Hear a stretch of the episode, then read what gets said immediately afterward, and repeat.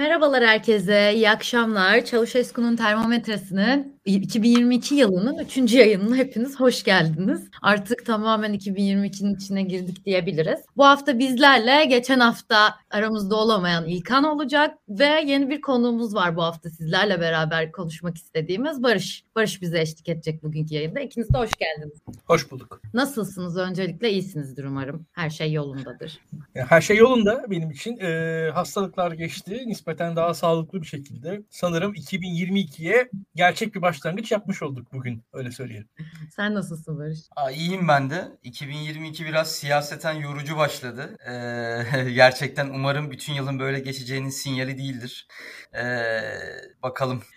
Evet 3 Ocak'ta çok hızlı tüfe oranlarıyla, ekonomiyle çok hızlı girmiştik. Birazcık smutlaştık. Şimdi tekrar hızlanıyoruz gibi bakalım. Umarım gerçekten bütün yılımız böyle geçmeyecektir. Çok güzel bir cümle. Çok hoşuma gitti. Ağzına sağlık. Ee, hepimiz iyiyiz. Umarım gerçekten izleyen herkese de sağlık dileyelim. Öncelikle birazcık klişe bir başlangıç gibi olacak ama yani bu yeni PCR kararlarını da çok kısa değiniriz. Bir gidip gelen PCR kararlarından. Gerçekten şu an çevremizde Covid inanılmaz artmış durumda. Soğuklar da başladı. Önümüzde kar. Karların örtemediği şeyleri konuşacağız ama gelecek hafta kar her yeri örtecek gibi şeyler de duyuyoruz meteorolojiden. O yüzden herkese sağlık dileyerek başlayalım bu yayına. Çok da fazla şey yapmadan ben çok heyecanlıyım çünkü geçen hafta direkt olarak Türkiye konuşmamıştık. Geçen hafta Kazakistan ve Kazakistan üzerinden birazcık otoriter rejimler bazında Kazakistan'ı Türkiye ile karşılaştırma bazında Türkiye konuşmuştuk. O yüzden açıkçası ben çok özledim sizinle birlikte Türkiye konuşmayı.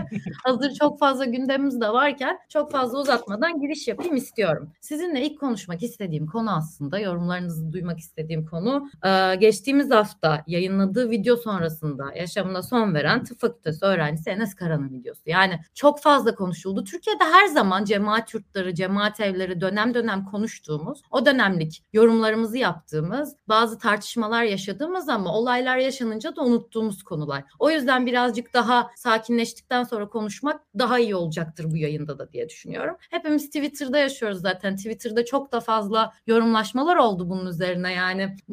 Liberallerle muhafazakarlar aslında görüş ayrılığına geldiler. Bu bir liberalizm kapsamında açık olması gereken şeyler midir gibi tartışmanın ekseninde belki de son en son artık tartışmamız gereken şeyleri tartışmaya başlamıştık. Ben bu konu hakkındaki yorumlarınızı merak ediyorum sizin. Yani şu anda bu eksende, bu olay ekseninde ve cemaat yurtları ekseninde tartışmamız gereken şey nedir? Neyi konuşuyor olmalıyız? İlkan sen başlamak ister misin? Tamam ben başlayayım. Şimdi bir defa e, vahim bir olay. E, hepimizi üzdü. E, Türkiye'deki genç insanlar hani e, her intihar aslında e, bir ölçüde kişiseldir, bir ölçüde toplumsaldır. Bir ölçüde e, özellikle genç intiharları zaten daha da fazla üzer insanları. İnsan, yaşlı insanların yaşadıkları genç insanların yaşayacaklarını düşünerek insanlar üzülürler. E, bu açıdan insanın içi acıyor gerçekten de ve e, tıp fakültesi öğrencisi hayatın on, on hayattan beklentileri var belli ki. E, o beklentilerle yaşadıkları arasında bir e, aralık oluşuyor ve o aralığı taşıyamıyor. E, şöyle söyleyelim tabii ki intiharlar e, istatistik olarak bakılırsa toplumun farklı kesimlerinde karşılaşabileceğimiz hadiseler. Yani illa bir kesimi e, yaftalamak gerekir mi? Evet gerekir. E, ancak e, şu da gözüküyor ki bu intiharın kendisi e, normal yani daha doğrusu diğer intiharlardan daha politik e, politik bir e, neredeyse manifestoyla ortaya çıkmış bir intihar. Yani kolay e, işi politikleştirmeyelim diye başlasak bile politikleşiyor. Yani kolay değil gerçekten kolay değil. E, Türkiye toplumu e, Türk toplumu bir alt üst oluşlar yaşıyor ve bu alt üst oluşlarda ailelerin e, sundukları şeyler, sunmak istedikleri şeyler, sunabildikleri şeyler e, yetmiyor. Gerçekten yetmiyor. E, bu burada mekanizmalar, e, eski mekanizmalar yetmiyor. Bunları görüyoruz. Bu e, bir semptom aslında. Yani bu şu anda bir kişinin intiharı aslında binlerce çocuğun, binlerce gencin daha doğrusu. Genç de sevmiyorum da işte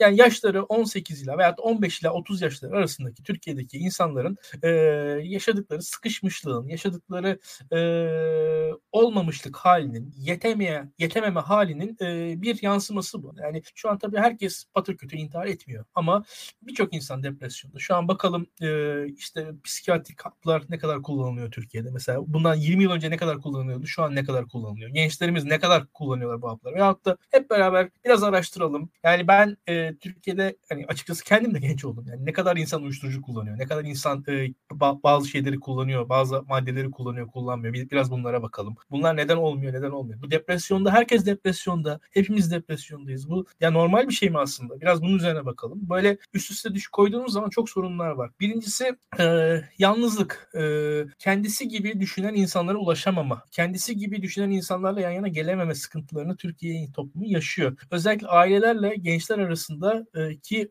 aralık ne yazık ki veya e, ne iyi ki bilinmez tabii bu, bu ayrıca bir tartışma konusu. Ya bundan e, ya hiçbir zaman olmadığı kadar açılmış durumda. Yani 1820 yılında bir baba ile bir oğul arasındaki mesafe neyse 19, 2020 yılında bir baba ile bir oğul arasındaki mesafe onun artık 10 katı haline gelmiştir. Yani e, babasının doğduğu Türkiye'de diyelim ki bırakın interneti belki evde televizyon yoktu. Yani babasının doğduğu Türkiye'de atıyorum e, hani uçağa binmek diye bir şey yoktu veyahut da birçok şey tek tek kanal televizyona ulaşılamıyordu. Radyo bile var mıydı yok muydu belli değil. Yani eğitim seviyesinin artışına bakarsanız zaten bunları görürsünüz. E, bir, bir kuşaktan diğer kuşağa geçişteki eğitim seviyesi artışı muhtemelen çok yüksek. Yani şu an ciddi ciddi sıkıntılarımız var. Ciddi ciddi e, sorunlarımız var. Bu psikolojik açıdan belli noktalarda bu semptomlar kendini gösteriyor. Bu kişisel olarak e, işte buradaki işte babanın yaptığı şu falan doğru. Bu e, rahatsız edici şeyler var. O da doğru ama şunu göz şu şu gözüküyor. Bizim şimdiye kadar bu konulara bulduğumuz çözümler bu bu bugünden sonra da çözüm olarak yeterli kalmayacaklar. Biraz bunu gösteriyor. Yani bizim farklı farklı çözümler bulmamız gerek diye düşünüyorum. Bir, bir defa bu.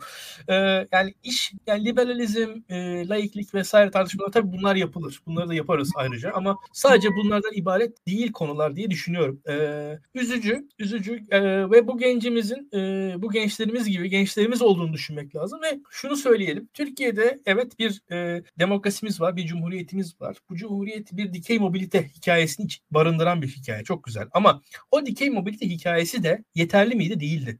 Bu tarikatlar, bu cemaatler o dikey mobilite hikayesinin aslında yeterli kapsayıcılığı sağlayamadığı yerlerde ortaya çıktılar. Ve ne oldu? Atıyorum e, bu kap daha fazla insanı bir şekilde o sosyal hikayenin içerisine soktular. Şimdi bu sosyal hikayede, sosyal yükselme hikayesinde daha fazla insana nasıl ulaşılır? Nasıl ulaşılır? Veyahut da daha fazla insana nasıl temas edilir? Bunu e, bunun yollarını bulmamız gerekiyor diye düşünüyorum. Ee, burada, orada zaten şey çizgisini çok net çektim. Birazcık daha bir yere çekeceğim şimdi de. Bu globalleşmeyle aslında 20 sene ya da 30 sene öncesinden çok farklı dünyalardayız. Yani bu cemaat yurtlarında kalma, bu yurtlarda ikamet etme, okumak için buralarda şey yapma Türkiye'nin her zaman bir problemiydi ama şu an senin dediğin gibi bunun gençler arasında daha büyük bir baskı hissedilmesinin sebebi de aslında bunun aile baskısının olmasının farkındalığının artması. Ama bir de şeyi sormak istiyorum size hazır değilmişken. Yani şu anda birazdan ekonomiyi de konuşacağız ama bu yurtlarda tabii ki kendi isteğiyle kalan bu ideolojiyi benimsemek isteyen insanların olduğu kadar ekonomik şartlarından dolayı da aslında bu yurtlarda ikamet etmek zorunda olan üniversiteleri burada geçirmek isteyen gençler de var. Ve şu anda da ekonomik gerçekleri konuşuyoruz. Türkiye'nin çok uzun zamandır görmediği bir ekonomik gerçeklik içindeyiz. Ekonomik kriz içindeyiz belki diyebiliriz. O yüzden buralara talep diyelim mecburi taleplerin artacağını da birazcık değinmek gerekiyor sanırım. Barış sana sözü vermeden önce chatten yazıyorlar Burak Hoca nerede diye. Burak Hoca bugün evet tahmin ettiğiniz gibi çocuklardan dolayı yanımızda olamayacak muhtemelen ama haftaya yine onunla beraber olacağız diye de gireyim. Barış sana vereyim söz birazcık. Ya şöyle söyleyeyim. E, şimdi dediğin ekonomi hikayesinden bağlayayım devam edeyim ben de. E, öncelikle çok üzücü bir olay. Gerçekten herkesin olduğu gibi benim de içim parçalandı ve çok üzüldüm. Çok ta e, yani bir noktada sorun sorumluluğumuzda olan bir şey maalesef ülkede yaşayan her insan gibi. E, bu olayı daha da ağır kılıyor. E, Enes'in intihar notunda, intihar açıklamasında ekonomiyle ilgili özellikle e, şöyle vurucu bir nokta vardı. Enes bir noktada içinde bulunduğu durumu, ailesinin durumunu, yurtta kalmasının bir mecburiyet olmasını, ailesinden gelen baskı ötürü aslında kabul ediyor. Bunu da söylüyor ama söylediği bir şey daha var. Hep hayali mesleğinden ötürü yani tıp okuduğu için ileride bağımsız bağımsız bir hayat inşa edebileceği için bunun geçici bir süre olması üzerine kendini şartlamış. Ama notunun önemli bir kısmında şunu vurguluyor. Artık benim gelecekten de bir şeyim kalmadı. Doktorların işte ne, nasıl para kazandığını, ne şartlar altında yaşadığını biliyoruz, görüyoruz. Artık benim için bunun geçici olmasının bir e, anlamı da kalmadı. Ya belki de onu e, o bardaktaki son damlayı taşıran nokta bu dönüşüm oldu. Çünkü hepimiz etrafımızda duyuyoruz. Üniversitede o insanlarla insanlarla sosyalleşiyoruz. Farklı farklı kontekstlerden, farklı farklı e, aile yapılarından gelen arkadaşlarımız var. Onlar işte dediğiniz gibi globalleşme olur, sosyal yaşam olur, o veya bu şekilde farklı bir yola gireceklerine az çok karar veriyorlar ve bunun işte üniversitenin, işe girmenin bir geçiş evresi olduğunu, e, biraz işte insan kendini gerçekçi düşünmeye zorluyor tabii ki bu noktada. Bu şartlar altında böyle bir dönüşüm yaşamayı planlıyorlar. Enes'in ve Enes gibilerin asıl belki de içine düştüğü karanlık bunun artık çıkış yolunun tamamen kapanması. E bunun da sebebi e, muhakkak ki işte başta AK Parti, AKP yönetimi olmak üzere şu an içinde bulunduğumuz e, fakirleşme ortamı, değersizleşme ortamı ve e, onun türevleri. O yüzden bizim e, tabii ki bu şeyleri konuşmamız gerekiyor. Buradaki yapıları konuşmamız gerekiyor. E, nasıl e, bu yapılardaki gençleri kurtarabiliriz, alternatif yaratabiliriz. Ama asıl konuşmamız gereken şeylerden biri de bizim e, bu insanların bu yapılardan kurtulduktan sonra bile e, kendi varlıklarıyla, benlikleriyle, kapasiteleriyle bağımsız ayrı bir yola gitme imkanlarının elinden alınmış olması. O da artık bir çıkış yolunu olmadığını hissettiren yegane şeylerden biri diye düşünüyorum. Yani birazcık evet umutla da alakalı yani geleceğe dair umutların azalmasıyla beraber senin dediğin gibi yani sadece anlık karamsarlıktan ziyade geleceğe dair umutları da azalıyor bu ülkedeki gençlerin ve bu aslında herkesi bütün gençleri yurtlarda kalan gençler kadar yaşayan üniversite okuyan bütün gençlere çıkmaza sokan bir durum aslında. Çözmemiz gereken ilk aşamadaki şeyler bu. Yani size şeyi de soracağım tabii ki bu kapatılmalı kapatılmamalı tartışmaları hakkında ne düşünüyorsunuz? Ya çünkü çok kara borsa bir şey olacak söylediğim ama baktığımız zaman bunlar zaten yurt izni almış tamamen yurt adı altında işletilen yerler değiller. Yani kiralar az olsun ya da şey olsun diye bir apartmanın üç katının kapatıldığı ve öğrencilerin kaldığı yerler. O yüzden tartışmanın bu düzlemde olmasını çok kısa özetle nasıl düşünüyorsunuz onu da merak ediyorum. Yani e, şöyle söyleyeyim bir defa açık değiller ki kapatılsınlar. Aslında çok garip bir şey var Türkiye'de. Yani hani e, bu tartışmada e, şöyle söyleyeyim ben e, hatta yani bir liberal olarak bir diyebilirim bunu e, çok rahatlıkla. Ya bu tartışmada devlet e, yani çözüm değil sorun aslında. Yani mesele şudur devletin e, bu tarz kurumlar üzerinden e, gelen insanlara ayrıcalık sağlaması kaldırılmalı. Aslında bırakın devlete hani buraların e, devletin bir şekilde egemenliğini olmasın. Aslında devletin nispeten Türkiye'de nötr bir noktaya geri gelmesi e, yani e, yapılacak iş ilk başta. Yani bırakın yani devleti müdahil olarak tutmayı bence benim gördüğüm standart. Devlet şu an nötr olsun yeter çünkü şu anda e, bu tarz yapılar mesela e, fiili olarak referans e, noktası halinde çalışıyorlar zaten biliyorsunuz yani onları ve e, ve özellikle e, İslami kesimde e, bu e, Fethullahçılık, FETÖ falan hikayelerinin başlaması ve bu e, tasfiye süreçlerinin de zaten yani hani Fethullahçı değildir beratını veren yerler buralar. Yani sonuçta buraya giriyorsunuz Fethullahçı olmadığınızın beratı sağlanıyor. Şu şu aşamada onu, onu da sağlayan yerler.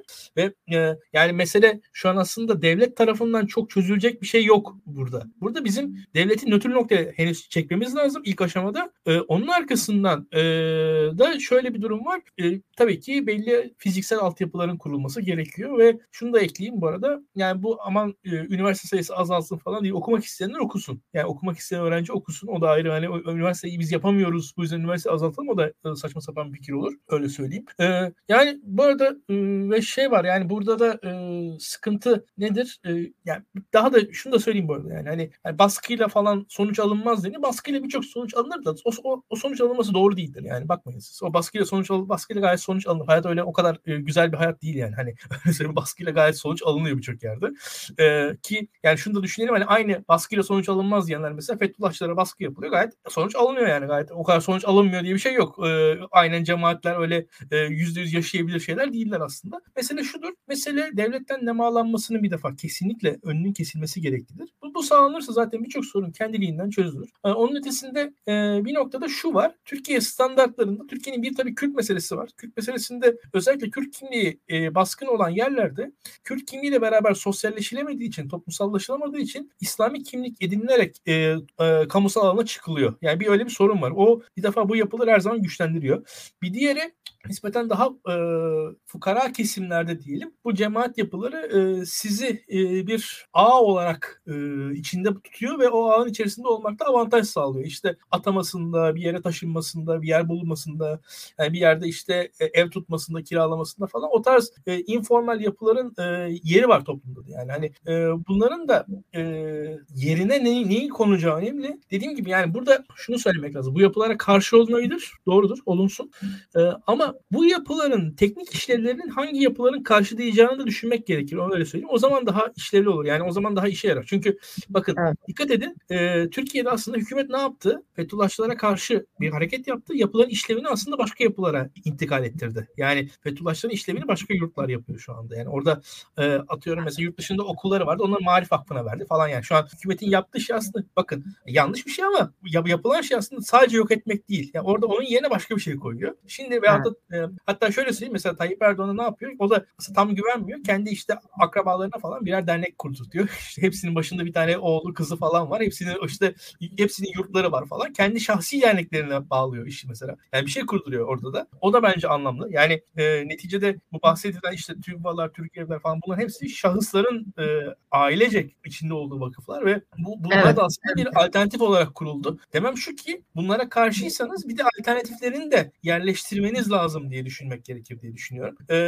ve bu alternatifi kurmak adına, adına düşünülmesi gerekiyor. Yani şöyle söyleyeyim bizim e, Türkiye'de biraz şöyle dediklerini şöyle bir toparlayıp özetlemeye şey gelirse aslında nötrleşmeden kastın yani şöyle bir şey gerekiyor. Buralarda kalmanın devlet içinde bir yerlere gelme ya da liyakatin önüne geçme konusunda da bazı avantajları var. Aslında tek tercih edilme sebebi ekonomik sebepler değil. O yüzden nötr bir devlete ihtiyacımız var. Belki de liyakatin olduğu bir devlete ihtiyacımız var. Devletin nötrleşmesinden kastım bu. Bu çok değerli bir söylem aslında. Onun bir daha seni özetleyerek altını çizmek istiyorum. Onu kaçırmak istemeyiz. Barış senden de bir iki cümle alıp şimdi çok şey oldu. Biraz da ekonomi konuşalım bundan sonra. Ben, ben çok çok kısa geçeyim. Ee, İlkan'ın son söylediği çok doğru. Ee, biz e, bu tarz tarikatları, cemaatleri yalnızca insanların e, ne derler maneviyatını tatmin ettiği ya da o yönden e, orada bulunduğu, on, o yönlerini tatmin etmek için orada bulunduğu yapılar olarak değerlendirirsek hata yapmış oluruz. E, bu yapılar e, çok kompleks, çok rift ağlar. E, bu yapılar sizi ileride bir takım bazıları işe sokuyor. İşe sok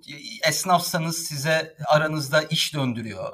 E, ve e, aslında bir noktada devletin size sunması gereken bir takım imkanları size garanti eden ve bir yandan da bunun arka planında da bir takım işte e, manevi bir ruhun da olduğu bir e, dayanışma ağları diyebiliriz. O yüzden yalnızca e, bu işin e, denetim ya da bu tarz şeylerle kapatmakla sırf baskıyla bu işleri engelleyebilmek mümkün değil. Sizin denetlemeye kalksanız gidip yapabileceğiniz maksimum şey e, işte yangın tüpü var mı, e, şey var mı falan işte ecza dolabı var mı falan diye bakıp e, şey yapmak, e, o tarz şeylere bakabilmek yani en böyle e, bütün bürokrasinin ayaklanıp buraları denetlediği yerde bile. Çünkü henüz işlenmemiş bir şeyden dolayı gidip e, şey yapamazsınız ya, yani. Barış, Türkiye'de ben şöyle söyleyeyim. Ben az çok tecrübeli bir Türkiye Cumhuriyeti vatandaşı olarak buraları denetlemek için yola çıkarsınız bir bakarsanız kızlı erkekli evler denetlenmeye başlanmış. en, en sonunda hani zararlı çıkarsın. Türkiye'de ben korkarım bu yüzden. Fazla devlete güç verdiğin zaman bunun sonu Allah bir bakıyorsun bir anda akşam doğum günü kutlayanların falan basan polislerle karşı. Yani evet tabii tabii zaten şey yani e, asıl söylediğimiz şey biz gerçekten İlkan ve Bilgen Hoca bunu daha iyi değerlendirir. Yani bu 20 yıllık AK Parti iktidarı bizi gerçekten e, başka alternatiflerin varlığına dair inancımızı, yapımızı yok etti. Yani çünkü bu kadar tek taraflı ve bu kadar kaynakların partizan dağıtılması artık yapı olarak otomatik olarak ya bunları bir noktada yasaklayıp durdurmamız lazım. Başka bir şey yok diyoruz ama bir görelim e, bu kaynakların partizanca dağıtılmadığı, işte tırnak içinde bu yapılara kadro dağıtılmadığı, çeşitli vakıflar, dernekler üzerinden, devletlerin ihalelerinden, çocuk projeleri üzerinden, gençlik projeleri üzerinden binlerce TL bunlara bir yayılmadığı bir düzlemi bir görelim. O zaman e, bakalım sorun kendi kendine zaten e, kendi yapısı içinde çözülüyor mu? Şimdi yalnız üstad gelince şey oldum ben biraz. Bütün gaza gelmiş konuşuyordum. E, salva atıyordum. E, Bilgehan Hoca gelince bir duruldum. Bir saygı duruşum adına geçtim. Hemen kısaca toparlayayım. yani o yüzden e, bu, bu denetim olayına ben pek şey yapmıyorum. Hani çok gerçekçi bulmuyorum. Tabii ki söylemek bizim içimizdeki o acıyı, içimizdeki şeyi biraz e, bastıran bir şey. E, kapatılsın işte e, bas varsılsın hepsi falan filan demek ama asıl durum e, bu kaynak ağını çözerek alternatifler yaratarak olacaktır. Onları e, kendi kendilerine düzenin kendi içinde erimesini sağlayarak olacak diye düşünüyorum. Ya evet orada da senin dediklerini de şöyle şey kısaca bir özetlemek gerekirse yani evet şeyi unuttuk biz bu 20 yıllık e, hükümet döneminde alternatif ne olabilir? Her şeyi yasaklayalım ve kapatalım ekseninde konuştuğumuz için ya da bütün çözümlere böyle ulaştığımız için yasaklamak ya da kapatmak dışında alternatif başka neler üretilebilir? Belki de bunu düşünmeyi unuttuk. Bu refleksimizi kaybettik. Evet orada dediğin çok değerli aslında. Başka alternatif refleksleri düşünmemiz gerekiyor. İlk başladığımız tartışma kapatılmalı mıdır bunlar olması yerine aslında nasıl bir dünyada, ideal bir dünyada nasıl alternatif yaparız demek istiyor. Hocam hoş geldiniz. Hoş bulduk Böyle merhaba. Barışık özetleyerek size yapayım. Sizi bekliyorduk hoş geldiniz. Yok estağfurullah. Biz de tam aslında bu cemaat yurtları Enes Kara'nın videosu sonrasında yaşamına son vermesi ekseninde konuşuyorduk son sözlerimizi. Sizin de bu konuda aslında yazınızı okudum. Ee, liberal eksendeki tartışmayı çok güzel özetlemişsiniz. Orada söyleyeceğiniz bir şeyler olursa duymayı çok isteriz. Ee, ben yurtların kapatılması ya da açılması ya da açık tutulması ile ilgili bir şey yazmadım açık söyleyeyim. Son paragrafta da onu söylüyorum zaten. Tartışmayı o zemine çekmek istemiyorum. Ee, benim asıl meselem liberalizmin bu tarikat meselesine sadece ve sadece makro iktidar alerjisiyle yaklaşmasının yani devlet alerjisiyle yaklaşmasının ne kadar yanlış olduğu ve liberallerin birey üzerinde hakimiyet kurmaya çalışan mikro iktidarları da dert edinmesi gerektiği, temel haklarını devreden insanların yani temel hakların ihlal edilemezliği kadar temel hakların devredilemezliği de bence liberallerin bir meselesidir. Temel haklarını devreden insanların e, liberalizm açısından bir sorun oluşturduğunu anlatmaya çalıştım. E, buradaki devlet müdahalesinin sınırları, devlet müdahalesinin şekli bu apayrı bir tartışmanın konusu. E,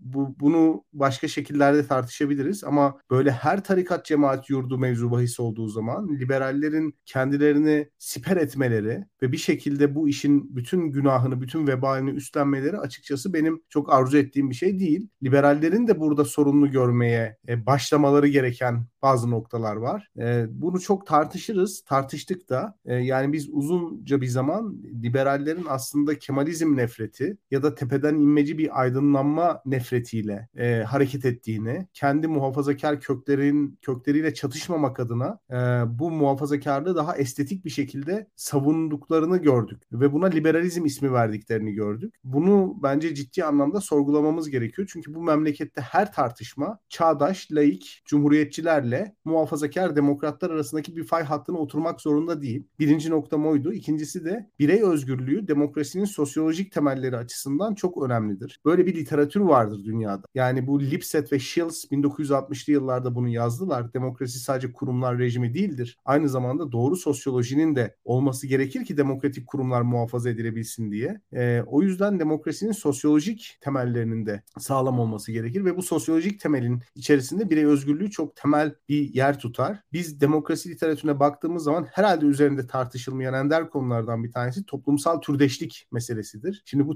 türdeşliği aşmanın yolu evet cemaatler, mikro gruplar falan olabilir. Fakat mikro grupların içindeki türdeşlik de yani bireyin kendisini ifade edememesi de bireyin bir kabileye ait olması, bir cemaate ait olması, bir tarikata ait olması da demokrasi açısından çok temel olarak büyük bir sorundur. Çünkü kendisi dışındaki dünya ile irtibatını kesen, onu reddeden, hatta onu terbiye etmekte kendisini mükellef kılan bireylerin toplumun diğer kesimleriyle olan irtibatının e, çok da sağlıklı olabilmesi mümkün değil. Yazımın iki tane noktası vardı. Yani birisi liberalizm temel haklar açısından, ikincisi de demokrasi açısından bireyin önemiydi. E, o noktada duruyorum. Hatta yazımın ertesi günü işte yogacılara da aynı şeyi söylüyor musunuz diye bir cevap geldi. E, hemen tesadüf oldu. İşte birkaç saat sonra Ankara'da bir yoga tarikatı galiba. Yani yogayla iştigal eden insanlar e, işte eve doğum koçu çağırmışlar. Çocuk vefat etmiş. Çok acı bir olay. Yani işte aşı karşıtlarıymış falan bir sürü bir sürü şeyler. E, evet yani evet. Yani insanların temel haklarının devredilmesi, e, temel haklarının ihlal edilmesi kadar bence liberalizmin problemidir. Bunu söylemek lazım. E, o yüzden hani e, benim yazımın durduğu nokta buydu.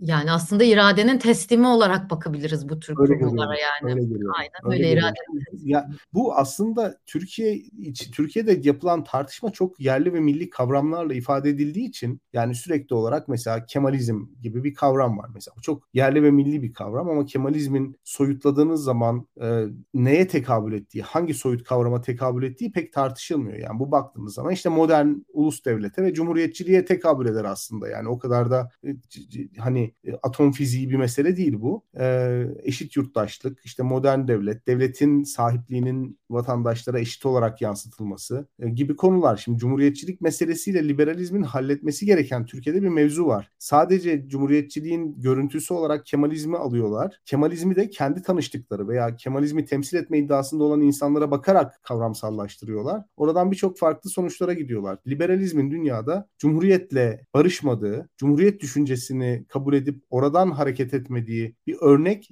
pek de sağlıklı sonuçlar üretmiyor. Sürekli olarak işte farklı yönlere savruluyor. E, o yüzden benim söylemek istediğim şey cumhuriyet meselesi önemli. Yani liberallerin cumhuriyet kavramını doğru okuması, doğru anlaması ve yasallık meselesiyle bu kadar çatışmaması gerekiyor. Çünkü cumhuriyet dediğimiz mesele aslında iktidarın icra süreciyle alakalı bir mesele. Şimdi liberaller başka bir katmandan konuşuyorlar. Sosyalistler de öyle. Ee, Birçok ideolojik grup da öyle. Yani onların konuştukları katman devletin meşruluğu katmanı. Ama cumhuriyet meselesi devletin yasallığı, iktidarın icra süreçleriyle alakalı bir, bir mesele. Dolayısıyla farklı katlardan birbiriyle atışan bir tartışma oluyor. Çatışmak zorunda değil yani bunlar. Yani yasallık meselesi, kanuni çerçeve meselesi, hükümetin icra süreçlerinin iktidarın güç tekelinden daha önemli olduğu meselesi bence çok önemli. İşte Hobbes'tan Weber'e kadar giden süreç bunu ihtiva ediyor. Bu ayrı bir şey. Bunu kabul edeceksiniz. Bir sonraki aşamada herkes kendi meşruluk tanımını yapabilir ama liberallerin ısrarla e, hem meşruluk tanımı yapması ve bu meşruluk tanımını Türkiye'de özellikle bu yasal devletle çatıştırması e, hakikaten çok garip bir durum. Gerçekten çok garip bir durum. E, o yüzden bu cumhuriyet meselesini liberallerin anlaması, üzerine tartışması gerekiyor en azından. Ya aynen öyle aslında yarım saattir tartışıyoruz, konuşuyoruz bunu. Hem ekonomik gerçeklerden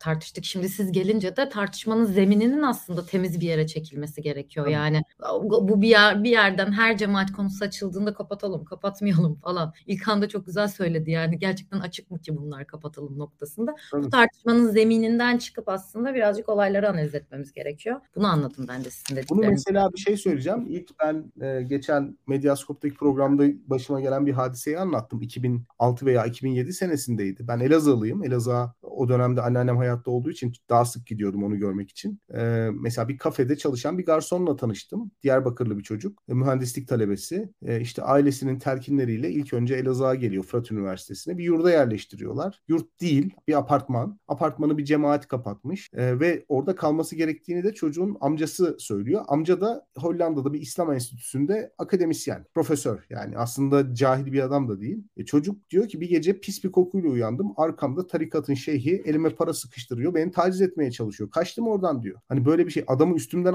attıktan sonra ertesi gün sofrada herkes bana kötü kötü bakıyordu. Kim bilir ne söylendi. Öldürüleceğimden korktum. Kaçtım diyor. Şimdi ben Ankara'ya döndüm. Ee, bir liberal bir cemiyette bunu söylediğim zaman ya devletin bu işe bir el atması gerektiğini söylediğim zaman 2007'de e işte piyasa kendi içinde yani piyasa kendi içinde çözer meselesi ideal olarak bizim inandığımız bir mesele olabilir ama reel bir sorunu çözmüyor. Yani o bizi o gece mutlu uyutur. Yani bizim iman ettiğimiz o piyasa değerlerine e, bağlı olarak uyutur. Ama burada reel bir sorun var. Yani bu çocuklar geliyorlar hani bir şekilde bu üniversitelerde okumaya çalışıyorlar. Maddi olarak yeterli olan var, yetersiz olan var. E, ve psikolojik olarak da buna dayanabilecek olan var, dayanamayacak olan var. Mesela benim yaşadığım örnekteki çocuk kaçmış, garsonluk yapıyor. Evet piyasa bu çocuğa destek olmuş ve bu çocuk kendi başına ev arkadaşı bulmuş. Ama çok dirayetli bir çocuk bu. Çok güçlü bir çocuk. Yani tamam bu güçlüğü aşmış, kendi hayatını kurmuş, bir şekilde ayakta kalabiliyor. Ama bu psikolojide olmayacak insanlar da olabilir. Yani iş bulamayacak insanlar olabilir. Kend, yani kendilerini bir şekilde e, boş vakit yaratamayacak insan mesela bir tıp fakültesi öğrencisinin garsonluk yapması çok zor. Onu onu kabul ederim. Kendisine alternatif gelir kaynakları yaratması çok zor. Şimdi burada bir de şey meselesi var tabii. Bizdeki yurt sistemi oldukça merkezi olduğu için Kredi Yurtlar Kurumu aslında o da bir sorun. Yani mesela bunları biraz daha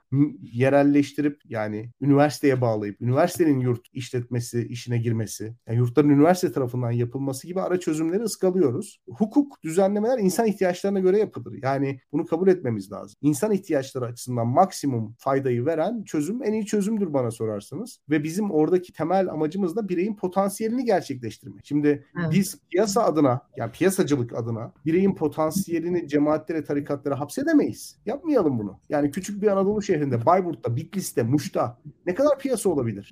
Devlet fiili bir durum yaratmış. Buraya 20 bin öğrenci yığmış. 20 bin öğrencinin hepsi çalışamaz ki.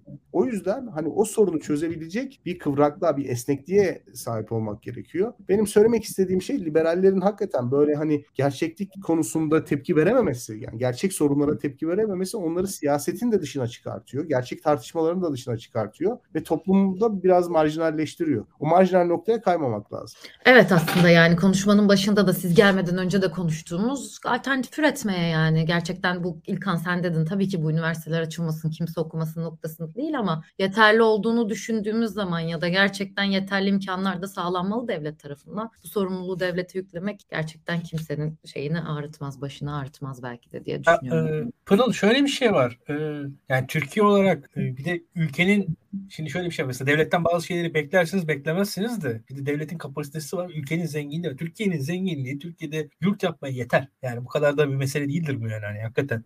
Şimdi veyahut da Türkiye'de iyi kötü inşaat yapmayı bilen bir ülkeyiz. Yani diyelim inşaat yapmak Türkiye'nin boyunun posunu aşıyor olsaydı biz o öyle bir çerçeveden konuşurduk. Yani şu an Türkiye'de atıyorum tüm üniversiteli gençlere birer tane Lamborghini altlarına çekelim de havalı havalı geçsinler demiyoruz. Yani burada çok da inanılmaz talepler yok reel olarak bakılırsa ve ulaşılabilir talep sebepler. E, şunu da söyleyeyim yani Türkiye şartlarından da e, işte Türkiye'de 8 milyon öğrenci var. E, Türkiye'de 8 milyon öğrenci var. Bu üniversite öğrencisi var. Yani %10 insanımız öğrenci. Bu gerçekten e, belli açılardan korkutucu, belli açılardan umut verici bir şey. Yarın e, nasıl bir Türkiye yaratıcı, bu 8 milyon öğrencinin nasıl bir Türkiye yaratacağını hiçbirimiz tam olarak bilmiyoruz. Yani bunun bir e, çözümünde, bunun bir hani şunlar şunlar olacak, şundan dolayı da bu olacak falan diyemeyiz biz. Bunun bir e, daha önce testi yapılmadı. İlk defa Türkiye bu testi yapıyor kendi kendisi üzerine. Yani e, öyle söyleyelim ki ama bu alt üst sonuçlardan iyi şeylerin nispeten daha olumlu şeylerin türemesi için de çalışabiliriz. E, bu imkanlar dediği gibi yani Bilgehan'ın anlattığı şeyler e, mantıklı. Yani burada e, Türkiye'nin eğer e,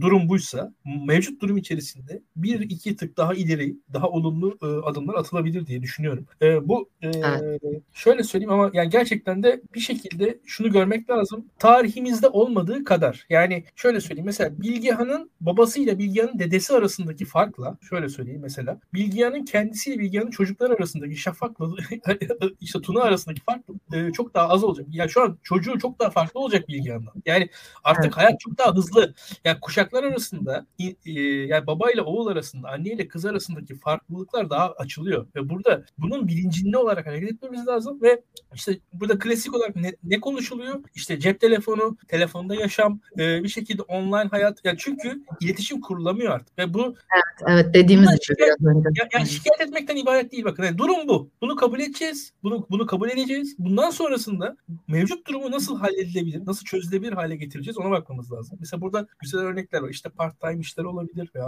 işte e, bir şekilde emek piyasasının e, bu gençlere açılmasının yolları aranabilir.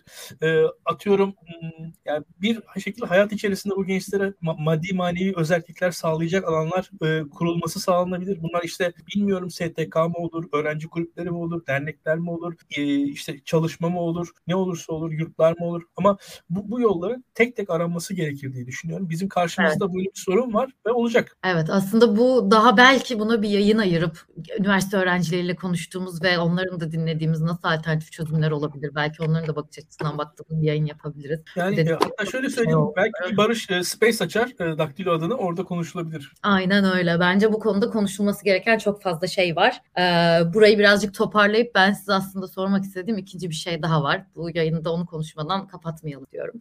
Birazcık Toplumsal Etki Araştırma Merkezi'nin dün yayınlanan anket sonuçları bomba gibi düştü hayatımıza. Çünkü benim oradaki en önemli size sormak istediğim şey Kasım ayındaki anket sonuçlarıyla ya 1500 civarında insana yapılmış. Türkiye'nin büyük şehirlerinden örneklemi içeren aslında e, dayanağı olan bir araştırmadan bahsediyoruz ve Kasım ayındaki ve Ocak ayındaki farklardan birazcık size, size bunun hakkında fikirlerinizi sormak istiyorum. Yani ben 4.3'lük bir AK Parti oy oranı artışını konuşulması gerektiğini düşünüyorum ve bunun sebeplerini birazcık tartışmamız gerektiğini düşünüyorum. Yani 20 Aralık'tan sonra muhalefet neredeydi? 20 Aralık'tan sonra Nebati'nin açıklamalarından sonra Erdoğan'ın konuşmasının doları düşürmesinden sonra neler oldu? Neyi eksik yaptı muhalefet ya da AK Parti neyi iyi yaptı da 4.3'lük bir puan artışı gördük o ankette. Bunun hakkındaki fikirleriniz nedir? Bence çok değerli bir tartışma sizinle yapmak için. Barış sen başlamak ister misin bu sefer? Ee, başlayayım hemen. Ya ben öncelikle şunu söylemek istiyorum. Ee, team araştırma hani İlkan'ın da İlkan için de bu geçerli herhalde. Hani benim yakından takip ettiğim, güvendiğim bir firma. Çünkü bildiğim kadarıyla kamuoyuna anket paylaşan firmalar arasında yüz yüze yapan anketlerini e, tek firma e, diyebiliyorum. Belki de birkaç tane daha vardır ama e, anketlerini takip ettiğim bir firma. Dediğiniz gibi bir şey oldu. E, düşüş oldu. Bu arada şey de söyleyeyim. E, yorumlara yazmışlar bu kuşak farklılıkları ile ilgili Burak Bilgehan Özbey'in çocuklarının Beşiktaş dışında takım tutmasına izin verilecek mi diye. Ama o çoktan e, bizim Bilgehan Hoca ile yaptığımız 5 olayı izlerseniz olayın çoktan çözüldüğünü e, görebilirsiniz bu arada. Artık orada bir mikro tahakküm kurulmuş diyebiliriz çocuklar üzerinde Bilgehan Hoca tarafından. E, konuya dönecek olursak e, gerçekten ben şimdi teknik yorumları Bilgehan Hoca İlkan çok güzel yapar. Ben sadece şunu söylemek istiyorum. Bu süreç benim için seçimlere kadar çok yorucu geçecek. Ben çok yoruluyorum. Bu kadar heterojen bir kitle ile birlikte %50'nin üzerine oynamak, e, iyi günde kötü günü yaşamak çok zor. Çünkü benim bu sonuçların ardından en büyük gözlemim şu oldu. Ben şimdi çok farklı kesimlerden insanları takip ediyorum. E, o insanlara. Ya işte birazcık HDP'ye yakın olan muhalifler e, bu AK Parti'nin birazcık yükselmiş olmasının e, işte C İyi Parti'nin e, değişen politikaları CHP'nin bundan uzaklaşmasına bağlıyorlar ve kendilerini haklı görüyorlar bu yüzden ve bu yüzden bunun sorumluluğunu bu politikalarda görüyor. İyi Parti'ye yakın kesimler ya işte Sezgin Tanrıkulu gidip şununla görüşürse hapishanede tabii ki böyle olacak kardeşim. İşte demiştik diyorlar. Onlar bunun sebebini işte HDP ile CHP'nin biraz temas kurmasına bağlıyorlar. Deva Partisi kanadı var. İşte tırnak içinde endişeli muhafazakarlar kanadı mı? Ya da onların üzerinden bir e, vurgu yapan kanat mı diyebiliriz. Onlara göre e, işte muhalefet çok agresif bir şekilde e, dindarlara garanti veremediği için ve hala bu endişeli muhafazakarların e, sorunlarına, endişelerine e, çözüm olacak şeyler sunamadığı için onlar AK Parti'ye geri dönüyor ve bu yüzden bir e, şey oluyor. Bu gerçekten çok yorucu bir ortam. E, çözümü nasıl çıkış yolu bulmak noktasında e, inanılmaz benim umutsuzluğa, karamsarlığa sürükleyen bir ortam. Çünkü belli bir yerden sonra biz kazanmaya, kazanmak isteyen insanlardan ya da haklı çıkmaya çalışan insanlarla birlikte e, bu serüvene girmeye çalışıyoruz. Ve bir şeyler ters gittiği anda da insanlar seçimi bir kenara bırakıp kendi entelektüel akıbetlerini garanti almaya çalışırcasına kendi haklılıklarını pekiştirecek argümanları hemen e, bir telaşla sunuyorlar. E, ben hani teknik açıklamaları İlkan ve Burak Bilgen Hoca'ya bırakarak e,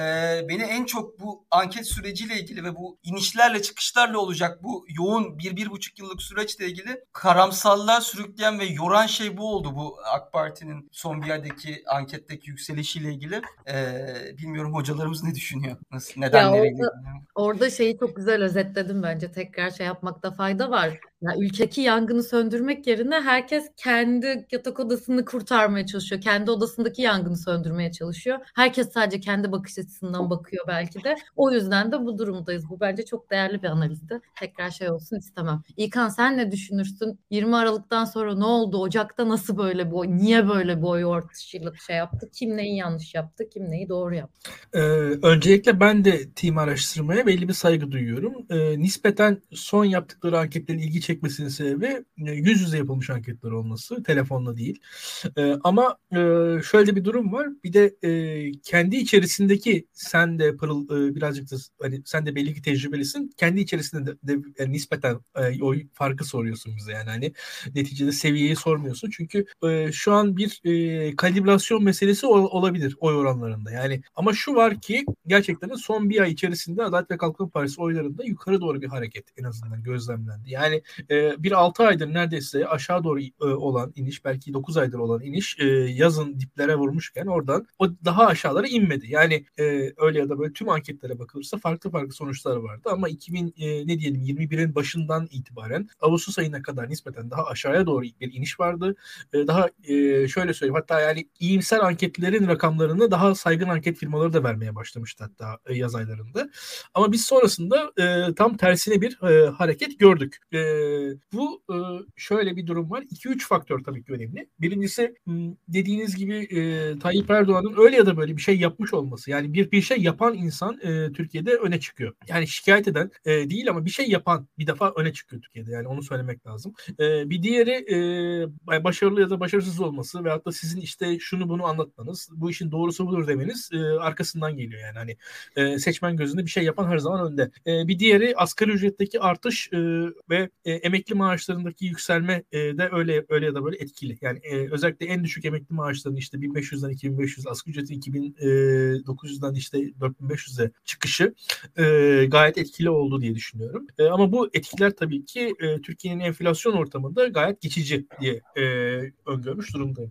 E, Türkiye'de tabii bütün bunların yanında mesele muhalefet meselesi ise de ben de muhalefette şunu söyleyebilirim. Muhalefette ben ideolojik bir eleştiriden ziyade e, doğrusu doktrinal bir eleştiri e, belki de nasıl söylemek lazım? E, yani şöyle söyleyeyim. Birincisi muhalefetin e, konuları fazla ideolojikleştirdiğini düşünüyorum. Yani e, Adalet ve Kalkınma Partisi'nin en çekirdek seçmeni ikna etmek için fazla çaba sarf ediyor muhalefet. Yani pek de faydalı bir e, çaba olduğunu düşünmüyorum o çabanın. Onun yerine yönetebilme kabiliyetini ortaya çıkartırlarsa daha başarılı olacaklarını e, öngörebilirim. Yani mesela şudur. Türkiye'de 20 Aralık'ta e, dolardaki o çalkalanma sırasında e, bir tweet atmanın e, tweet ne olursa olsun yani hükümet iyi yaptı ya da kötü yaptı yazabilir muhalefet. Ne, ne yazarsa yazsın hiç umurumda değil ama bir şey yazmasının e, çok daha etkili olacağını düşünüyorum. Yani bir şeyler söylemesinin, bir şeyler yapmasının, orada olmasının e, önemli olacağını söylüyorum. E, yani burada ne söyleyeceğini tartışmıyorum. Bakın e, herkes kendi meşrebince e, kendi yolunu seçebilir ama bir şeyler söylüyor olmasının kendisinin değerli olacağını düşünüyorum. Yani Türkiye'de e, Pırıl, e, Adalet ve Kalkınma Partisi daha önce yenildi. Nasıl yenildi? E, ama sonrasında yendi. Yani Haziran seçimlerinde yenildi, Kasım seçimlerinde yendi. Çünkü muhalefet bir iktidar kuramadı. Muhalefet Türkiye'de iktidar kurabileceğini gösterdikçe oy alır diye düşünüyorum. Çünkü şu andaki bahsedilen seçmenlerimiz e, en azından bahsedilen o yüzer gezer seçmenlerimiz, bu oy artışlarını azalışlarını e, sağlayan seçmenlerimizin öyle o kadar da e, ideolojik açıdan e, sana bana benzeyen veyahut da e, sana bana hiç benzemeyen insanlar olmadıklarını düşünüyorum. Yani benzeyen de değiller, hiç benzemeyen insanlar da değiller bunlar. Bunlar için siyaset öyle o kadar e, bizim hayatlarımızdaki e, noktada değil ama şu var orada yönetebilir bir e, yapı görmek istiyorlar. Orada gerçekten bir yapı görmek istiyorlar diye düşünüyorum. Evet. E, bu, bu tarafı benim kısacası böyle. Ben sadece tek küçük orada... bir şey eklemek istiyorum. E, bu iki, iki, 2015'teki iki seçim arasında benzetti. Orada da şu an işte aralığa kadar, Kasım'a kadar biz e, muhalefetin çok bir arada hareket ederek AK Parti'yi gerilettiği bir ortam görmüştük. E, görece söylem birliği vardı. Daha sonra hepsinin e, biraz e, yükselişi artık aldıklarını kabul ederek kendi yollarını inşa etme sürecine girdiğini gördük. İşte Kılıçdaroğlu kendi adaylığı üzerine bir şeyler yapmaya çalışıyor. Akşener başka bir şey yapmaya çalışıyor falan. İşte 2015'teki o zaferden sonraki yenilgi çok çok benzerdi. Hani İlkanlar daha iyi hatırlar. Ee, AK Parti gitmişti hani muhalefetin söylemine göre. Artık MHP bir şeyler almaya çalışacaktı AK Parti'den. CHP yükselişe geç, geçiyordu. CHP bir şeyler koparmaya çalışacaktı. Oradaki e, bireyselleşme diyelim muhalefetin bir anda tekrar e, muhalefeti dağıtarak AK Parti'nin e, 4 ay 5 ay sonra e, tek başına iktidar olmasına vesile olmuştu.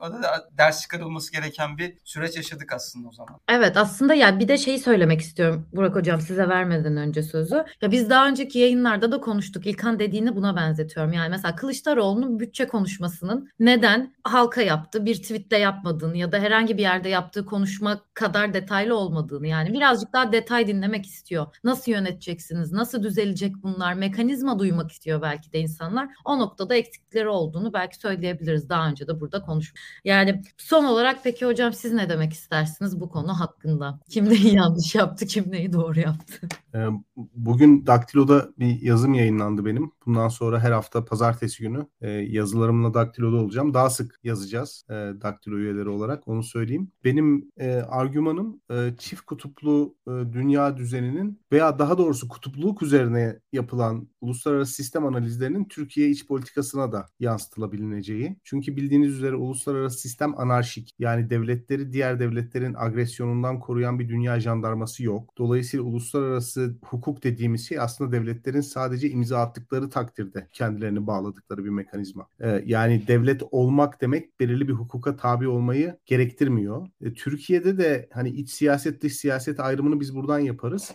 İç siyaset genelde hiyerarşik olarak kabul edilir. Yani uluslararası sistem anarşikken iç siyaset devletli toplumlar hiyerarşik olarak kabul edilir ve vatandaş olarak biz doğduğumuz zaman bizi koruyan belirli kanunlar, yasal bir çerçeve vardır. Siyasi partilerde tüzel kişilikler oldukları için onlar da belirli kanunlara tabi olmaları varsayılır. Ancak Türkiye'de de ben uluslararası sisteme benzer bir şekilde hukuktan ziyade güç politikasının etkili olduğunu düşünenlerdenim. Yani uluslararası sistemin anarşikliği iç siyasette de benzer bir durum ortaya çıkartıyor. Çünkü bizleri de koruyan bir hukuk yok. Bizler de vatandaşlık hukukuna tabi değiliz. Siyasi partiler de ancak güçlü oldukları takdirde ayakta kalabiliyorlar. Ee, bir siyasi partinin hakkını, hukukunu koruyan bir hukuk da yok. Ee, partilerden, kişilerden bağımsız, tarafsız bir devlet olmadığı için. O yüzden uluslararası ilişkiler teorilerini Türkiye iç politikasına uyarlamakta bir beis görmüyorum ben. Çünkü benzer bir yapısal e, derinlik var yani. Daha doğrusu deep structure dedikleri.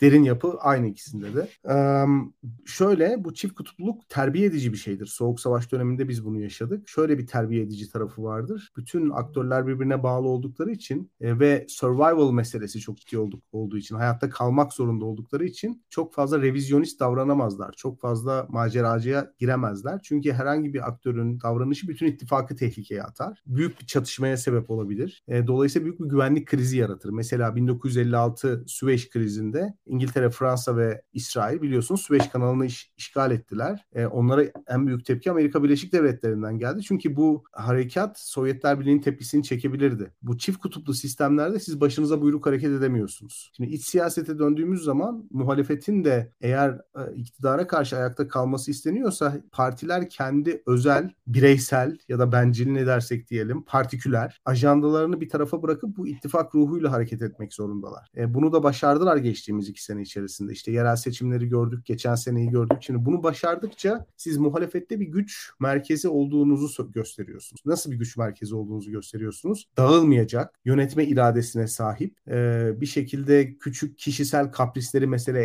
etmeyecek, küçük siyasi hesaplardan büyük krizler üretmeyecek bir ittifak görüntüsü çiziyorsunuz. Bu da yönetme sinyali gönderiyor seçmene. Yani Adalet ve Kalkınma Partisi'nin beceriksizliği bir tarafa, bunun karşısında muhalefetin de bu sinyali göndermesi çok önemli. Niye yapıyorlar bunu? Çünkü bunu yapmazlarsa partiler tek başına var olamayacaklar. Yani iktidar çok hoyrat davranabilir. Ee, geçtiğimiz sene Ağustos-Eylül ayından itibaren tabii başka bir hava hakim oldu. Soğuk savaş bitmeden, soğuk savaş bitmiş gibi davranmak nasıl abes ise e, Adalet ve Kalkınma Partisi gitmeden e, bu parti seçimi kaybetmiş gibi davranmak da o kadar abes. Ama bu abesle iştigal edildi. Onu söylemek gerekiyor. Yani Tayyip Bey'in karşısına ceketimizi koysak kazanırız mantığı e, çok e, farklı sonuçlar üretti. Şimdi ben dinliyorum mesela genel başkanlara yakın anketçiler, araştırmacılar var. Bu adamların ortak bir noktası var. Adalet ve Kalkınma Partisi'ni çok düşük gösteriyorlar. Yani genel başkanların kampanyalarını yürüten adamlar yani anketçi ve araştırmacı danışmanlar diyelim e, ortak noktaları hem İyi Parti hem CHP'de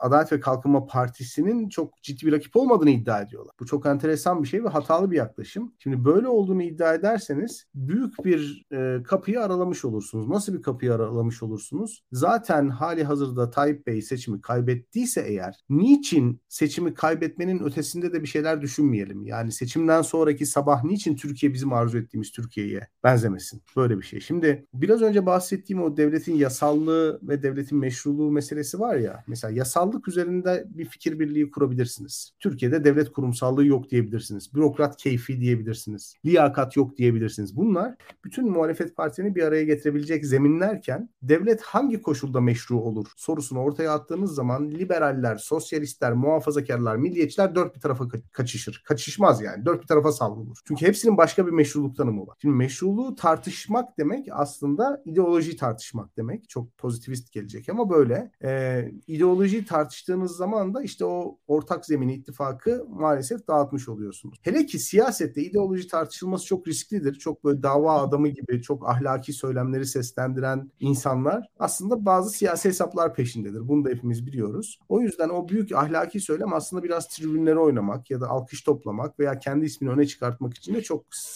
hızlı bir şekilde kullanılabilir. Şimdi benim gördüğüm muhalefet partilerinin geçtiğimiz sene son sonbahardan itibaren o disiplini kaybettikleri ve ertesi gün Türkiye'de ne olabilecek? Ertesi günün Türkiye'sinde ne durumda olacaklar? Nasıl bir Türkiye istiyorlar konusunda kendi gündemlerine savrulmaları. Tabii bu dediğim gibi idealist bir durumdan da kaynaklanmıyor. Öne çıkmak isteyen siyasetçilerin ve onların destekçilerinin bir ahlaki tutunduğu dal var. Mesela eğer siz muhafazakar demokrat bir cumhurbaşkanı istiyorsanız, hadi ismini de söyleyelim çok gizemli konuşmayalım yani. Siz eğer Abdullah Gül'ün cumhurbaşkanlığını istiyorsanız kaçınılmaz olarak işte mevcut sistemin e, arkaik oluşundan, e, yeni bir demokrasi tasavvurundan, bu demokrasi tasavvurunun da işte Türkiye'deki eski devlette hesaplaşmaktan geçtiğinden falan bahsetmek zorundasınız. Bundan bahsederken de tabii ittifakın içerisinde İyi Parti gibi e, devlet kurumsallığını önemseyen bir partiyi karşınıza alıyorsunuz. Orada bir huzursuzluk ortaya çıkıyor maalesef. E, eğer siz daha sosyalist bir aday tercih ediyorsanız mevcut meseleyi, mevcut mücadelenizi neoliberalizme karşı bir savaş olarak değerlendiriyorsunuz ve bu sefer de e, muhalefet içerisindeki neoliberal grupları e, bir şekilde rahatsız ediyorsunuz. Eğer siz Türk ulus devletine karşı bir savaş yürüttüğünüzü düşünüyorsanız, HDP'liyseniz e, bu da başka kırılmalar ortaya çıkartıyor. Dolayısıyla Tayyip Bey nasıl olsa gidecek. Dolayısıyla kimi aday koysak kazanır mantığı bizi böyle bir noktaya sürüp. Bir de şunu söylemek isterim. Meral Hanım'ın Cumhurbaşkanlığı adaylığından seçilme, çekilmesinin ben muhalefette çok büyük denge bozucu bir hamle olduğunu düşünüyorum. Yani Akşener'in adaylıktan çekilmesi muhalefetin dengesini çok ciddi anlamda bozdu. Çünkü bu çekilme Cumhurbaşkanlığı adayının kim olacağını belirleme yetkisini bir anlamda Cumhuriyet Halk Partisi'ne devretmek olarak algılandı. Halbuki Meral Hanım aslında orada Cumhurbaşkanlığı adaylığından çekilirken bir anlamda genel başkanlar olarak biz çekilelim daha seçilme şansı yüksek olan belediye başkanları aday olsun düşüncesindeydi. Ee, ama orada da tabii CHP'nin bir parti içi meselesi var. Yani e, parti genel merkez bürokrasi dururken belediye başkanlarını aday yapmayı kimse istemiyor. Ben bunu yadırgamıyorum. Bu olur yani siyasette. Kimse bunu istemez. Herkes kendi pozisyonunu korumak ister. Ama dolayısıyla bir aday çıkartamıyorlar ve CHP Genel Başkanı Kemal Bey aslında yani ben e, Kemal Bey'in demokrat kişiliğini ve Türkiye muhalefetine yaptığı katkıyı yatsıyacak değilim. Haddim de değil. Çok da yani takdir takdir takdir edilmesi lazım. Gelecek kuşaklar tarafından da iyi anılması gereken bir isim. E, ama maalesef seçilemiyor. Yani o anketlerden araştırmalarda çıkmıyor. Bu sefer de başlıyorlar dışarıdan aday aramaya. Dışarıdan yani Türkiye muhalefetinin sesi olmamış, riski almamış, elini kirletmemiş, bir anlamda mücadele vermemiş insanlar bu işe biraz e, ne derler e, bu işe soyunuyorlar ve evet. e, aday olmak istiyorlar. Cumhuriyet Halk Partisi de hem parti içi dengeleri korumak için nasıl olsa nasıl olsa herhangi birisi kazanacağı için de böyle adaylarla iletişime geçiyor. Bu da beraberinde şöyle söyleyeyim size hem muhalefetin kendi içinde hem de bir uyumsuzluk yaratıyor hem de bu kararsız seçmende muhalif ittifakın eskisi kadar dirayetli ve yönetme iradesine sahipmiş gibi durmadığı yönünde bir kanı uyandırıyor. İlk kana tamamen katılıyorum. Yani bu me- mesele yol haritası ya da program proje meselesi değildir yani. Halka yönetme iradenizi göstereceksiniz. Dolar 18 lira olduğu zaman Tayyip Bey'in hiçbir planı yoktu. Fakat bir planı varmış gibi hareket ediyordu. Dikkat ettiyseniz. Yani Çin modeli falan diyordu. Şimdi, siyasette bu önemlidir. Yani daha sonra işte bu kur düşürme programını falan buldular. Dört elle sarıldılar. Yani o ki düşürebiliyoruz hadi düşürelim. Hani bir yıl sonraki maliyetler çok da önemli değil. Yani sürekli olarak bir planınız varmış gibi davranmak zorundasınız. Bocalamak, evet. bocalamak işte ne bileyim uyumsuzluk, e, insanların gözünde biraz ne derler kararsız duruma düşmek falan bunlar siyaset açısından iyi değil ve şunu da söylemek lazım. Son olarak da bunu söyleyeyim. Hani bu parlamenter sistem ısrarı da bana biraz e, artık e, sorgulanması gereken bir şeymiş gibi geliyor. Evet hepimiz parlamenter sisteme geçmek istiyoruz. Çok kutuplu dünya işte kutup meselesinden çıkarsak parlamenter sistemdir. Fakat halkın talebi ivedi olarak parlamenter sisteme geçmek değil. Halkın talebi ivedi olarak şu iktisadi sorunların çözülmesi. Halkın talebi ivedi olarak bürokratik çürümenin durdurulması. Şimdi bunu hangi sistem yapacaksa ona göre davranacaksınız. Yani ısrarla bizi parlamenter sisteme geçirecek günahlarından arınmış, gökten zembille inmiş siyasi hırsları olmayan bir melek arayacağınıza ki bu melek seçimi kazanabilir mi ondan da şüpheliyim. Seçimi kazanabilecek, belki birkaç sene geçiş sürecini idare edebilecek daha hırslı, daha politik bir aday tercih edilebilir deyip evet. bakıyorum. Ya açıkçası bu son söylediğiniz üzerine yine bir yayında konuşalım. Yine çok fazla başka bir yayında konuşalım dediğim şey oldu. Çünkü gerçekten parlamenter sisteme geçişin yol haritasını daha önceki yayınlarda da konuştuk ama seçim sonrasında olası bir AK Parti'nin gitmesi ve yeni bir hükümet kurulması durumunda da bunlar ne zaman olur şey olur bu ayrı bir tartışma konusu. Çok kısa aslında çok önemli noktalara değindiniz. Çok kısa onların bir altını çizeceğim. Sonra İlkan sana vereceğim sözü. Ya burada aslında kopukluklar nereden başlıyor? Bir artık herkesin bireysel ajandaları açığa çıkmaya başladı. Yani koltukların hiçbiri bozulmadan muhalefetin koltuklara kendisini oturtma sevdasının bir şekilde içeriği bozduğunu görüyoruz. Yani iki senedir falan uyum içinde ilerleyen şeyler gitmemiş bir koltuğa oturma çabası yüzünden uyumsuzluk olarak döndü. Bu bence birazcık önemliydi. İkinci olarak sizden birazcık şey üzerinde somut örnek isteyeceğim. Yani uyumlu gidiyorlardı belli bir sürede ama bunu ideolojiye çektiler gibi. Çok güzel her parti için örnek verdiniz ya. Mesela somut olarak örnek verecek olsak son olarak bunu nasıl somutlarız? Yani nerede koptu işin ucu? İyi Parti yani CHP için helalleşme söylemi, helalleşme de koptu diyebilir miyiz? Ya da İyi Parti Ömer'in yolunda kopardı bunu. Birazcık daha yanlış sinyaller verdi gibi daha somut bir şeyler söyleyebilir miyiz? Şimdi Pınar iki üç kelime e, eklemem lazım. Birincisi yani Tayyip Erdoğan öyle bir e, şahsiyet ki mesela araba kullansa kaza yapsa güzel park ettin. Yani öyle bir şekilde e, neticede hakikaten e, elinde olanı pazarlama konusundaki kabiliyeti diğerlerinden daha fazla. Yani Türkiye'de doların 18 liraya çıkmasını biz Çin modeli diye tartıştık. Burada uzun uzun yayın yaptık. Yani ben düşünüyorum tek tek Çin modeli, Kore modeli, Türkiye modeli ve modelden modeli ekonomik iktisat tarihi ya hakikaten farklı farklı iktisat varyasyonları, İslami ekonomik modeller, e, Kaddafi'nin Yeşil Kitabı, Milli Görüş'ün ekonomik tezleri, Fischer'in ekonomik tezleri, işte e, ne, neydi ilksel Marksist ekonomik tezler hepsini tartıştık biz burada. Ya fantastik şeyler. Şu an düşünürseniz yani şu an şu programda Adalet ve Kalkınma Partisi ekonomik fikirleri üzerine biz resmen hani biri bir kuyuya taş atar çıkarmaya çalışır ya o hikaye gibi biz düşünün ekonomik fantastik tezleri anlatmaya, aktarmaya çalıştık ve nelerle uğraşıyoruz. Bakın bu bir tercihtir, bu bir politikadır. Adalet ve Kalkınma Partisi bize bu politikayı uyguluyor üzerimizde. Bunu görmemiz lazım. Yani biz bunları konuşuyoruz, biz bunları konuşmak durumunda kalıyor. Muhalefet bunun farkında olmalı. Yani peşinden koştururken de yaptığının farkında olmalı. İkincisi, e, Adalet ve Kalkınma Partisi içerisinden, e, Adalet ve Kalkınma Partisi çevresinden, halesinden oluş e, e, ortaya çıkmış şu an muhalif figürler var. Bu insanların muhalif figürlüklerini tartışmak noktasında değilim. Ama şöyle bir gerçeklik var. Bu insanların kendi e, ağırlıkları ile toplumsal ağırlıkları arasında bir e, ne yazık ki bir orantı yok. Yani bu orantısızlık da Türkiye'de muhalefeti sıkıntıya sokuyor diye düşünüyorum. Yani burada bu insanların önemli pozisyonları olmuş. Televizyonlara çıkmışlar, gazetelere çıkmışlar. Kimilerinin siyasi kariyerleri olmuş. Şu an muhalifler çok güzel. Saygın muhalif olmaları çok güzel. Ama bu insanların toplumsal olarak zannettiğimiz karşılıklarının olduğunu düşünmüyorum. Ve şunu söyleyeyim. Muhalif partilerin Adalet ve Kalkınma Partili dindar seçmenlerle de şahsen ilişki kurmaları bu insanlar üzerine ilişki kurmalarındansa daha faydalıdır, daha sonuç alıcıdır diye düşünüyorum. Bir, bir diğeri de bu. Buradaki aracı e, olarak gördüğümüz insanların o aracılık kabiliyetleri olduklarına ben pek inanmıyorum. Burada olmayan bir aracı, aracılık kabiliyetini biz bu insanlara atfediyoruz, atfediliyor diye düşünüyorum. Bunu da ekstradan ekleyeyim. Bir diğeri e, muhalefetin gerçekten e, Bilgehan çok güzel anlattı. Nispeten oy oranları e, özellikle bu Ağustos ayında falan yaz ortasında e, bayağı bir seviyelere indi.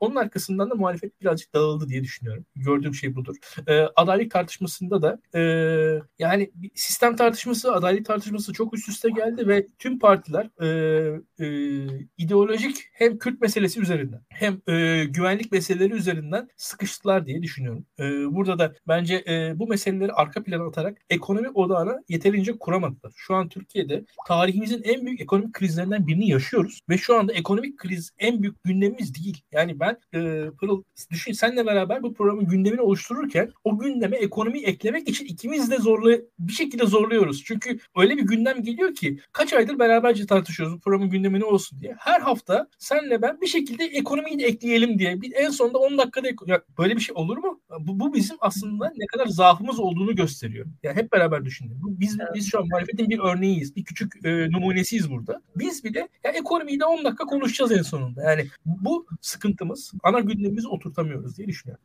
Çok haklısın. Yine bugün de konuşacaktık ama zaman kalmadı. Ben de diyecektim ki son sözlerinizi alayım toparlayayım. O kadar haklısın ki yani konuşmamız gereken tek şey ekonomiydi. Her gün hala zam, zam haberi okuyoruz. Hala bir şeylere zam geliyor. Şirketlerin hepsi üreticinin hepsi zam yaptı haklı olarak mecburen. Ama bunları konuşamıyoruz. Yine bu yayında da konuşamadık. Tam da diyecektim ki haftaya faturalar gelir zaten. Onun üzerinden bir konuşuruz. Barış, Burak Hocam sizin de son olarak eklemek istediğiniz bir şey var mı tam kapanırken? Ya ben şöyle söyleyeyim. Dediğim gibi hani Akşener'in adaylıktan çekilmesi de İyi Parti'yi siyaset yapmayan bir parti haline getirdi. Daha doğrusu şöyle. Akşener'in Cumhurbaşkanı adayı olarak yaptığı yaratıcı siyaset yerini sanki parlamentoda etkinliğini, sandalye sayısını arttırmak isteyen bir İyi Parti'ye bıraktı ve onlar da yöntem olarak muhafazakar seçmene yöneldiler. Halbuki muhafazakar seçmen analizi de çok yanlış orada. Muhafazakar seçmen derken sanki AKP'den kopan insanlar AKP daha az İslamcıymış ya da daha az muhafazakarmış gibi oradan kopmuş gibi davranılıyor. Yani halbuki AKP Ayasofya'yı açan parti. Yani bakın Ayasofya'yı açmasına rağmen oy kaybeden bir parti. Muhafazakar seçmen ya da geleneksel seçmen diyelim. Güçlü olan, kazanma ihtimali olan partiye meyleder. Güçlü olabilmek için de sizin olabildiğince merkezden, apolitiklerden, işte kararsızlardan oy toplamanız, toplumun ilgisini çekmeniz ve belli bir oy oranına ulaşmanız lazım. Ondan sonra muhafazakarlara konuşmasanız bile merak etmeyin. Koşa koşa gelirler. Merak etmeyin. Yani illa gözünün içine soka soka adil düzen, Ömer'in yolu falan demenize gerek yok. İkincisi biz çözeriz, biz yaparız gibi sloganlar son derece yanlış. Bunu biz söyleyemeyiz siyasetçiler söyleyemez. Bunu toplum söyler. Yani topluma öyle konuşursunuz ki bunlar çözer dedirtirsiniz. O yüzden böyle son derece kötü kampanyalarla siyasi partileri böyle e, hani İyi Parti'nin çekilmesi başkan Akşener'in Cumhurbaşkanlığından çekilmesiyle birlikte İyi Parti bir siyasetsizliğe sürüklendi ve kötü kampanyalarla bir siyasetsizliğe sürüklendi. O yüzden ben e, Akşener'in Cumhurbaşkanlığı adaylığına dönmesini hakikaten hem muhalefetin selameti açısından hem Cumhurbaşkanlığı belir, adayı belirlenmesi belirlenme süreci açısından hem de İyi Parti'nin oy artışı açısından elzem görüyorum. Çünkü anlaşılıyor ki yani bu denklemi İyi Parti'deki oy artışı bozacak. Yani bu ayrılan partiler çok sarsıcı oy getiremediler. Sağdaki kuvvetli parti Cumhur İttifakı'nı çözebilir. Oradan sızdırma yapabilir. Ve burada da İyi Parti'den başka seçenek gözükmüyor. Deva ve Gelecek partileriyle birlikte de daha sıkı ilişki içerisinde olması çok daha iyi olabilir. Oradan oy getirebilirler. Ama bunun için siyaset yapması lazım. Yani siyaset yapması lazım. Hani yurt meselesinde Tayyip Bey biliyorum sen de üzülüyorsun demem, dememek lazım. Yani anlatabiliyor muyum? Mesela son grup konuşmasında Akşener metni bırakıp konuştuğu 3 dakika var. Son 5 ayda Meral Hanım'ın irticalen konuşup konuşma ilk defa konuştu ve siyaset yaptı ve en olumlu taraf oydu bence bana sorarsanız. O yüzden o e, kerameti kendinden menkul kampanyalar, işte danışmanlar falan bunlardan pek e, ki onlar mesela AKP'nin %15 olduğunu falan iddia ediyorlar. Yani bu metni yazanlar AKP'nin %15 olduğunu iddia ediyor. Ya da %30'un altında olduğunu iddia ediyor ediyorlar. O yüzden bunlara pek bakmamak lazım. Muhalefetin iyi siyasetçileri var. Muhalefetin temiz siyasetçileri var. Mücadele vermiş siyasetçileri var. Bu işi başarabilirler. Bir arada durabilirler. E, o bakımdan ben çok ümitsiz değilim. Bütün bunları erken yaşamamız da çok iyi. Yani seçimden birkaç ay önce de yaşayabilirdik. Derlenip toparlanacağını düşünüyorum. Meral Hanım'ın Cumhurbaşkanlığı adaylığına geri dönmesinin bir Cumhurbaşkanı adayı belirlenme sürecinde de faydalı olacağı kanaatindeyim. En azından o dört ismin dışına çıkmaz. Yani Yavaş, İmamoğlu, Akşener ve Kılıçdaroğlu'nun dışına Cumhurbaşkanlığı adaylığı çıkmaz. Bir an evvel kesinleşir ve e, muhalefet e, iktidara karşı e, ortak bir cephe kurmuş olabilir. Bir de bir şey daha söyleyeceğim. E, burada e, yeni kurulan muhafazakar partiler, özellikle Deva Partisi e, mensubu arkadaşların sosyal medyadaki son dönemdeki hareketliliği ve diğer partileri sürekli yaftalama yarışı da dikkat çekiyor. Bu da doğru değil. Muhalefeti zarara uğratmayacak şekilde çalışmak lazım. Biz iyi bir Deva Partisi isteriz. Türkiye'nin meselelerinden konuşan, ekonomi konuşan bir Deva Partisi muhalefet için iyi bir şeydir. Evet. Burada Deva Partili arkadaşların anlaması gereken yeni muhalefete geçtikleri için pek bilmiyorlar. Anlamaları gereken şey muhalefet kaybettiği zaman Deva Partisi %2 daha fazla oy almasının hiçbir anlamı yok. Yani hep beraber kazanırız veya hep beraber kaybederiz. O yüzden bu adamlar birbirlerini gömüyorlar, görüyoruz. Yani her fırsatta bir siyasi partinin Bayburt ilçe başkanının tweetini alıp işte bu parti faşist, bu parti şöyle, bu parti Kemalist falan deyip yaftalayıp kendilerine bir şey yapamazlar. Muhalefeti topyekün, topyekün e, yıpratırlar. Bu konuda da bir uyarı yapmak istedim. Şarjım bittiği için hızlı konuştum. Kusura bakmayın. Yok estağfurullah çok iyi oldu. Sondaki sizin söylediklerinizden de özetlemek istediğim bakalım önümüzdeki günlerde gerçekten Akşener'in tekrar adaylığa dönüşünü, tekrar siyasete dönüşünü konuşabileceğiz mi? Çünkü bundan bir sene önce pandemi ilk başladığında ve pandemi sırasında konuştuğumuz tek şey nasıl her gün sokakta olduğuyken bugün nerede olduğunu konuşuyoruz. Bakalım Yine tekrar ona döneceğiz mi? Ben bunu merak ediyorum. İlerideki yayınlarda size tekrar soracağım böyle bir şey. Heyecanlandım. Barış senin var mı son sözlerin? Ben de son birkaç bir şey söyleyeyim çok zamanınızı almadan. E, biz bu süreçte e, hocalarımın da açıkladığı gibi ne zaman e, muhalefetin içindeki işbirliğinin, ne zaman muhalefetin bir takım aktörlerinin adeta olayları siyaseten oldu bittiye getirme süreçlerine girdiği anda ivmenin kırıldığını, bunun toplumda bu siyasi liderlerin öngöremediği sonuçlara yol açtığını, muhalefetin ivmesinde, muhalefetin birleşmesinde gördük. İşte son Kılıçdaroğlu'nun kendi adaylık kampanyası bunlardan bir tanesi oldu. Yani çok net bir şekilde e, ittifakın en büyük bileşeni İyi Parti ile e, istişare edilmeden yapılmış bir süreç. Bu e, biraz zarar verdiğini düşünüyorum e, Millet İttifakı'nın ivmesine.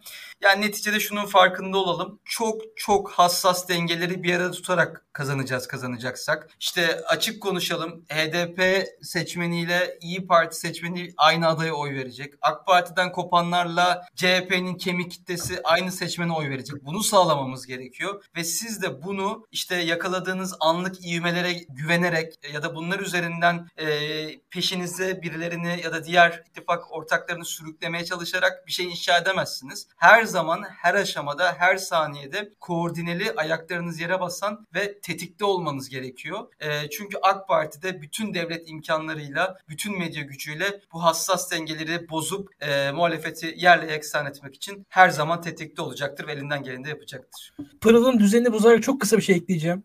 Yani tamam demokrasi sıkıntıları var, şunlar var, işte faşist vesaire onlar çok güzel tespit ediyor arkadaşlar doğrudur. Yani şu an 36 cezaevi için 2 milyar TL gelecek yılın bütçesinden ayrılmış durumda. Yani e, Türkiye realitesi bu. E, efendim oradaki il başkanının açıklaması e, kötü falan filan da Türkiye'nin yaşadığı bir nokta var. Yani somut olarak şu an 36 cezaevi için 2022 bütçesinde 2 milyar TL ayrılmış durumda. Yani Türkiye'nin e, gidişi belli şu anda. Real tartışalım biraz gerçekçi olalım arkadaşlar. Evet. Yani evet ağzınıza sağlık. Çok teşekkür ederim. Bugün bir tık uzattık ama konularımız gerçekten konuşmaya değerdi.